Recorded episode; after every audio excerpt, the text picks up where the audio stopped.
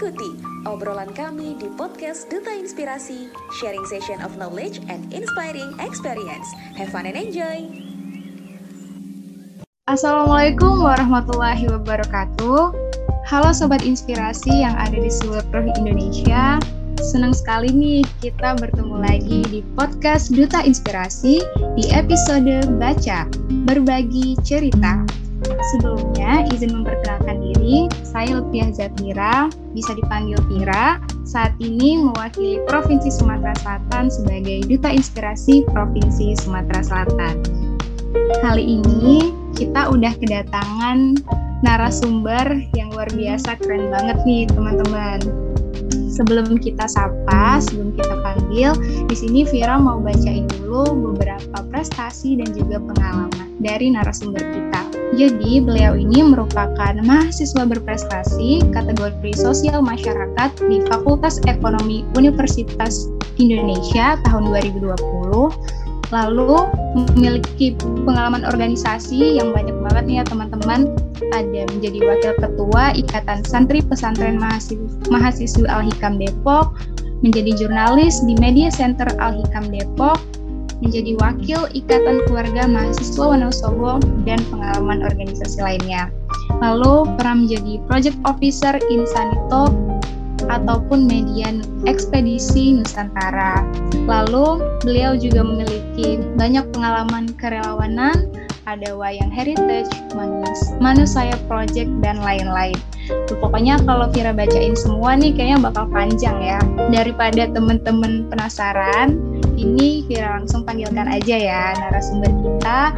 Ada Kak Nuzulul Ilma. Halo Kak Ilma. Halo Vira dan Sobat Inspirasi. Iya, halo Kak. Salam kenal ya Kak. Sebelum kita masuk uh, ke topik kita kali ini nih, sekarang Kak Ilma kesibukannya apa aja sih Kak? Mungkin boleh cerita dulu. Oke, uh, mungkin kenalan sedikit kali ya. Tadi kan udah dikenal sama Vira, nah mungkin aku juga ingin kenalan kenalan dulu nih. Nah, jadi nama aku Nuzulul Ilma, biasa dipanggil Ilma. Sekarang kesibukannya uh, lagi jadi mahasiswa Magister Manajemen di Universitas Indonesia, sekaligus juga ikut beberapa riset project gitu sih. Sama mungkin tadi ada ya salah satu komunitas gitu ikut. Oke wow udah lanjut magister ya nih ya kak. Semoga kita juga nih teman-teman yang mungkin masih sarjana atau yang uh, masih teman-teman baru mau kuliah nih kita bisa lanjut nih sampai ke jenjang magister ataupun doktoral ya nanti. Amin oke nih Kak Ilma. Jadi seperti mungkin teman sobat inspirasi udah baca juga ya terkait topik kita kali ini. Nah kita langsung aja tanya nih ke narasumber kita kali ini. Menurut Kak Ilma, apa sih Kak pengertian mindfulness menurut kakak? Oke, okay, uh, eh, jadi mungkin sebelumnya aku mau disclaimer dulu ya kalau sebenarnya aku bukan kayak praktisi atau seorang seseorang yang mungkin expert di bidang mindfulness gitu. Aku cuma kayak pembelajar aja sebenarnya gitu. Jadi setahun ke belakang ini aku lagi belajar dan mencoba untuk mempraktikkan konsep itu uh, mindfulness itu dalam kehidupan sehari-hari aku gitu. Mungkin kalau misalnya ditanya sumber belajarnya itu dari mana aja sih gitu. Nah aku paling belajarnya dari YouTube sama buku-buku bacaan aku yang tentang self improvement gitu. Nah uh, dari yang aku lakuin dan aku pelajari tentang mindfulness itu mungkin kalau misalnya aku boleh menyimpulkan sendiri definisi mindfulness buat aku tuh kayak uh, sebenarnya adalah keadaan di mana kita itu sadar penuh dan utuh pada keadaan sekarang dan sadar nih pada apa yang akan kita lakukan, apa yang kita lakukan sekarang dan kita pikirkan sekarang. Contohnya kayak sebatas hal kecil kayak kita sadar nih sama kaki kita yang nampak di lantai misalnya atau mata kita melihat apa, nafas kita tuh terasa atau misalnya kayak satu persatu kita tuh bisa merasakan kehadiran tubuh kita gitu, raga kita gitu dan proses kesadaran itulah yang uh, atas diri kita itu yang sangat membantu untuk kita lebih realistis gitu terhadap apa yang sedang terjadi sekarang gitu. Nah ini juga yang bisa membuat kita tuh nggak cuma terlarut-larut dalam kesedihan masa lalu yang mungkin kita punya past experience di mana kita gagal kayak gitu terus masih kita bawa-bawa sampai sekarang yang akhirnya malas untuk mencoba hal baru karena dulu gagal jadi kayak udah ngerasa kayaknya aku nggak bisa deh soalnya aku dulu pernah gagal kayak gitu nah itu kan yang membuat kita akhirnya jadi hal yang negatif kan kayak gitu. Atau misalnya kita juga terlena nih sama bayang-bayang masa depan yang akhirnya itu juga nggak baik buat kita kalau kita selalu kayak membayangkan masa depan yang belum tentu terjadi juga gitu. Nah tapi intinya eh, nggak uh, apa-apa untuk melihat ke belakang pas experience kita tapi pas experience kita itu kita gunakan sebagai senjata untuk mengoreksi lagi nih diri kita sendiri, mengevaluasi diri kita apa ya sebenarnya yang mesti kita laku, lakuin terus di masa sekarang. Jadi sebenarnya masa lalu itu seharusnya bisa kita lakukan di masa sekarang, eh, bisa kita gunakan untuk masa sekarang untuk improve diri kita lebih baik lagi daripada masa lalu. Begitupun juga kayak misalnya masa yang akan datang, kita bisa gunakan masa yang akan datang itu atau misalnya impian-impian kita atau cita-cita kita di masa depan itu untuk memberi kita arah. Sebenarnya aku tuh harus ng ngelakuin apa sih sekarang gitu untuk bisa mencapai atau mengejar mimpi aku di masa depan kayak gitu. Jadi tetap intinya uh, hadir sepenuhnya pada fokus pada yang sekarang terjadi terhadap pikiran, kesadaran kita, tindakan kita, pokoknya yang terjadi pada hari ini kayak gitu. Menarik banget ya teman-teman.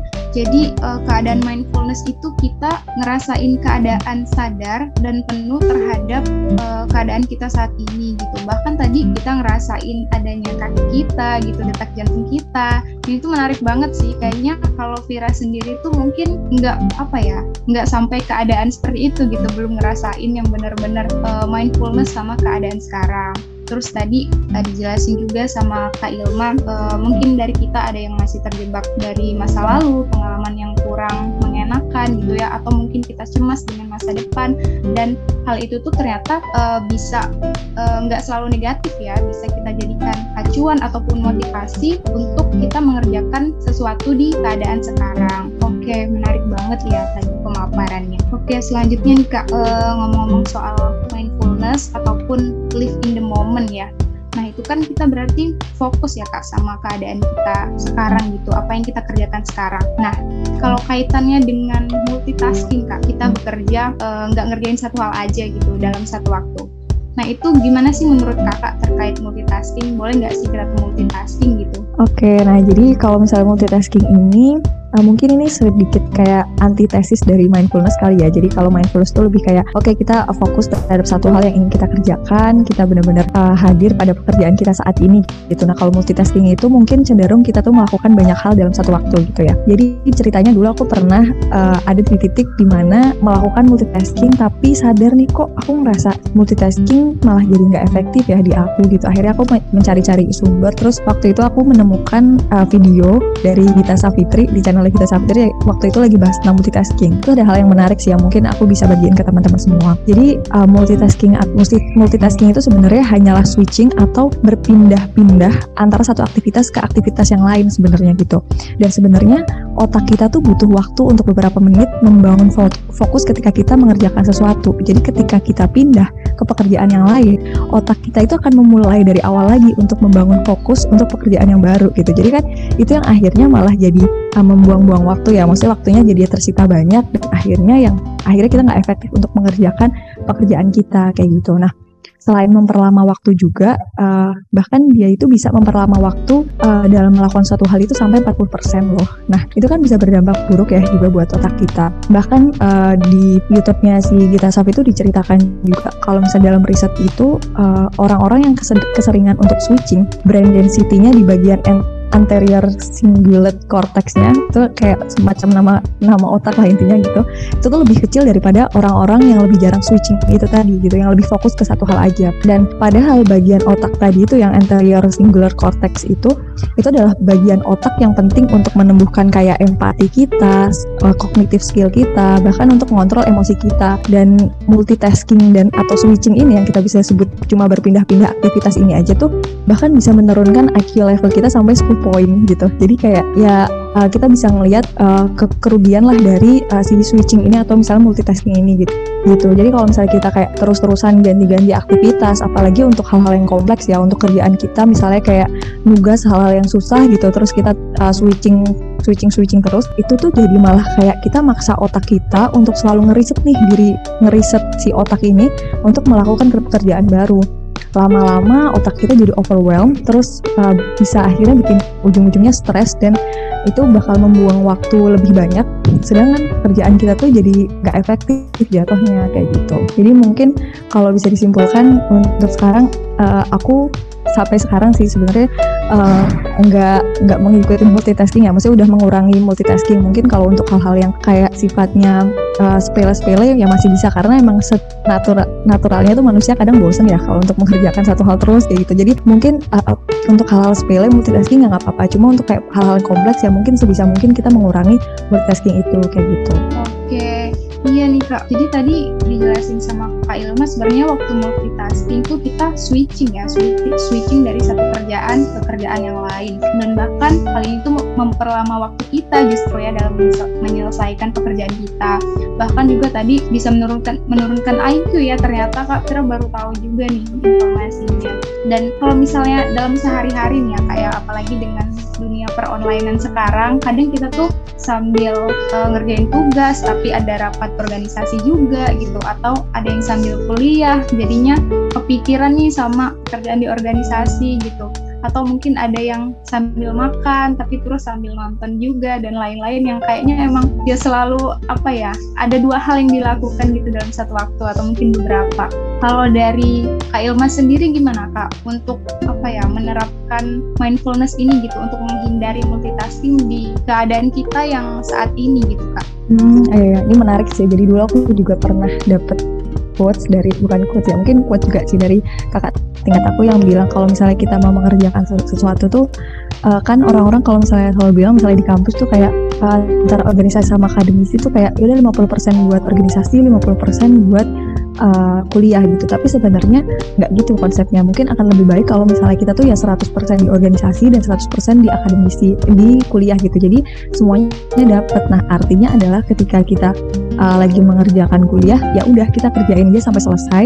Dan kita benar-benar hadir di kuliah itu gitu nggak ngebawa-bawa organisasi pas kita lagi kuliah. Pun sebaliknya gitu ketika kita lagi rapat ya udah kita fokus sama rapat itu gitu. Kita nggak ngebawa-bawa kuliah kita di dalam rapat uh, rapat organisasi itu misalnya gitu. Karena uh, pada akhirnya uh, itu juga yang akan membuat pekerjaan kita di kuliah atau misalnya di organisasi itu menjadi lebih efektif gitu.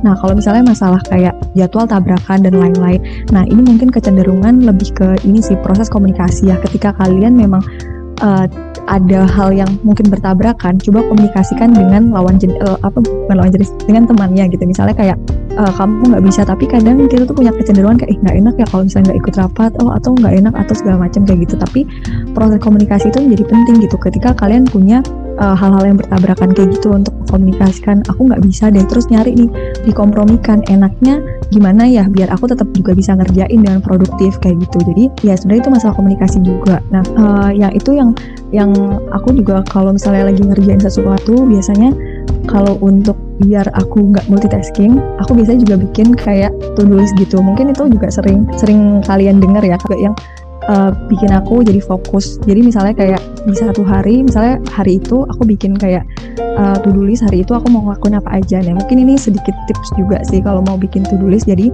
to do list itu bukan hanya sekedar to do list deh.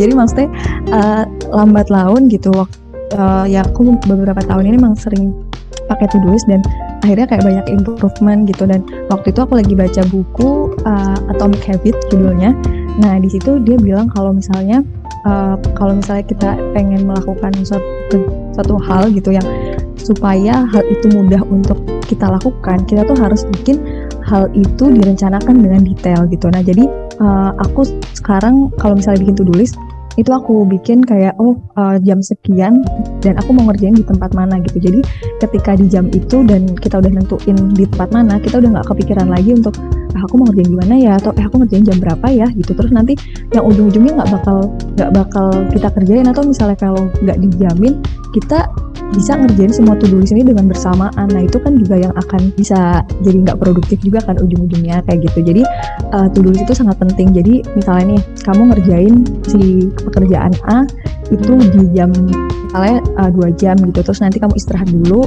Kamu tulis istirahat uh, dari jam berapa sampai jam berapa. Terus nanti kamu bikin list selanjutnya. Kamu ngerjain yang lain kayak gitu. Jadi itu yang akan bisa membuat kamu lebih fokus gitu sih dan kalau mungkin bisa ya uh, kamu log out dulu lah Instagramnya atau misalnya ya media sosial yang bisa nge kamu kayak gitu gitu sih paling iya tadi ada quotes yang menarik juga ya kak yang di awal tadi jadi kita tuh bukan 50% kuliah bukan 50% organisasi guys. Tapi 100% kuliah dan 100% organisasi. Iya sih menarik banget itu. Terus juga terkait komunikasi ya gimana kita bisa mengkomunikasikan kalau misalnya ada jadwal yang bertabrakan. Dan ini emang sering banget sih terjadi ya apalagi sama mahasiswa gitu. Dan tadi Kak Ilma sempat bahas soal buku Atom, Atomic Habits. Itu Vira juga sempat baca sih dan emang recommended ya bukunya Kak. Jadi memang bisa ngebantu kita sih gimana kita bisa produktif kayak mulai dengan satu persen habits per hari gitu. Dan itu tuh dari satu persen itu tuh kita bisa improve improve terus gitu setiap hari. Hanya dengan hal-hal kecil yang kita lakukan setiap hari gitu secara rutin.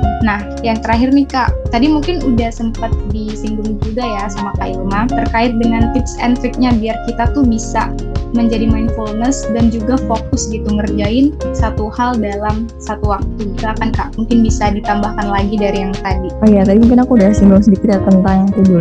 Nah, uh, sebenarnya kalau untuk mindfulness ini praktiknya banyak ya. Aku menganggap bahwa sebenarnya mindfulness itu juga salah satu cara aku untuk kayak mengenal dan menyayangi diri aku sendiri sih gitu. Karena kan uh, bener-bener kita memahami sih sebenarnya tubuh aku tuh seperti apa, emosi aku seperti apa, apa yang aku rasakan sekarang dan lain-lain gitu kan. Jadi aku ngerasa uh, efeknya dari proses mindfulness itu juga lumayan di aku ngefek positif kayak gitu. Nah, beberapa hal yang aku lakuin mungkin yang pertama tadi udah mungkin aku udah sebutin to do terus yang kedua uh, itu aku juga kadang bikin journaling gitu. Jadi kalau misalnya aku lagi stres atau mungkin kalau misalnya aku ngerasa uh, aku udah ngerjain banyak hal gitu tapi aku masih kayak ngerasa kosong atau hampa atau apalah intinya aku bikin kayak journaling nah mungkin kalau misalnya ada yang tahu itu ada aplikasi namanya Notion. Aku juga kadang nulis journaling di situ sih. Jadi aku tanggalin gitu terus aku journaling di situ. Nah apa sih yang aku sampaikan di situ? Sebenarnya lebih kayak mengucapkan berkomunikasi dengan diri aku sendiri. Jadi contohnya kayak misalnya uh, aku ngucapin terima kasih Ilma. Hari ini kamu sudah bekerja keras. Hari ini kamu sudah menyelesaikan to list yang kamu sudah tulis. Terus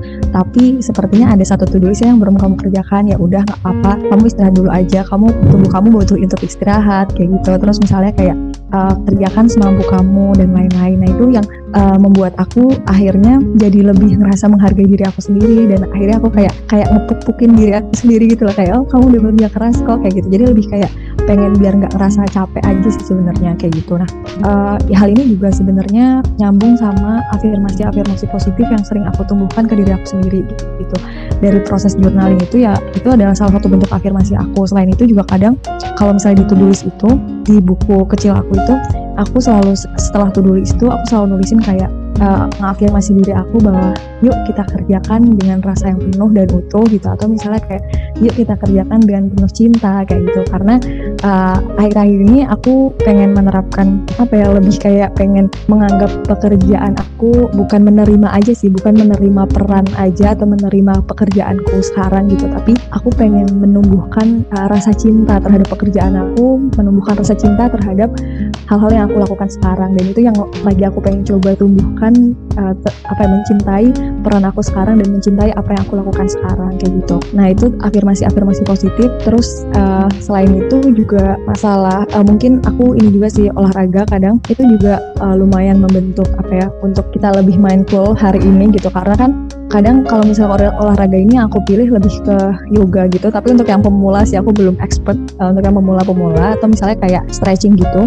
Karena kan kalau stretching juga yang masih kayak uh, dia pelan gitu kan jadi kita bisa ngerasain peregangan di tubuh kita setiap gerakan yang ada di tubuh kita gitu. Jadi uh, proses itu tuh lebih menenangkan untuk mengontrol emosi kita. Kan juga ada inhale exhale-nya juga itu yang juga bisa mengatur emosi kita kayak gitu. Terus dan fokus sama hari ini juga sih gitu. Terus juga uh, kalau mindfulness yang aku lakukan juga itu ada meditasi. Nah kalau meditasi ini sebenarnya lebih ke pengen mengol kadang uh, aku meditasi tuh nggak nggak tiap hari sih. Cuma kadang kalau misalnya kayak aku butuh aku meditasi gitu. Kayak misalnya aku lagi stres emosi lagi emosi lagi nggak stabil dan fok butuh fokus untuk mengerjakan suatu hal biar nggak fokus sama emosi aku aja gitu. Nah kayak misalnya kalau cewek tuh bisa kan PMS ya gitu gitu. Terus kayak kadang moodnya tuh agak-agak mengganggu kita untuk mengerjakan suatu hal gitu fokus terhadap suatu hal kan. Jadi kita butuh menetralkan dulu nih perasaan kita gitu. Nah itu biasanya aku juga uh, pakai meditasi gitu lah. Di meditasi itu ya sebenarnya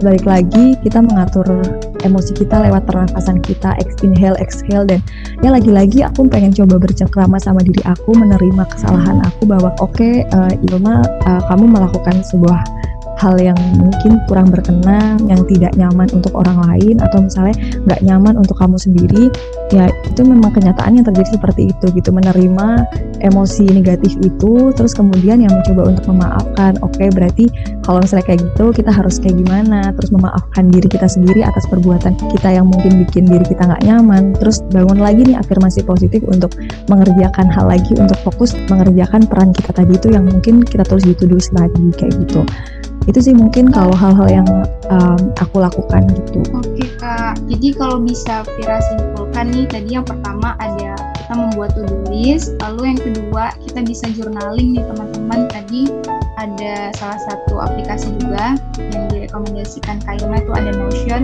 Situ jadi kita kayak komunikasi sama diri kita sendiri gitu ya, berterima kasih sama diri kita gitu. Dan ini kayak salah satu bentuk self love juga ya kan. Terus yang ketiga tadi yang menumbuhkan rasa cinta terhadap peran yang kita lakukan sekarang terhadap apa yang kita jalani saat ini. Lalu ada olahraga dan juga tadi ada meditasi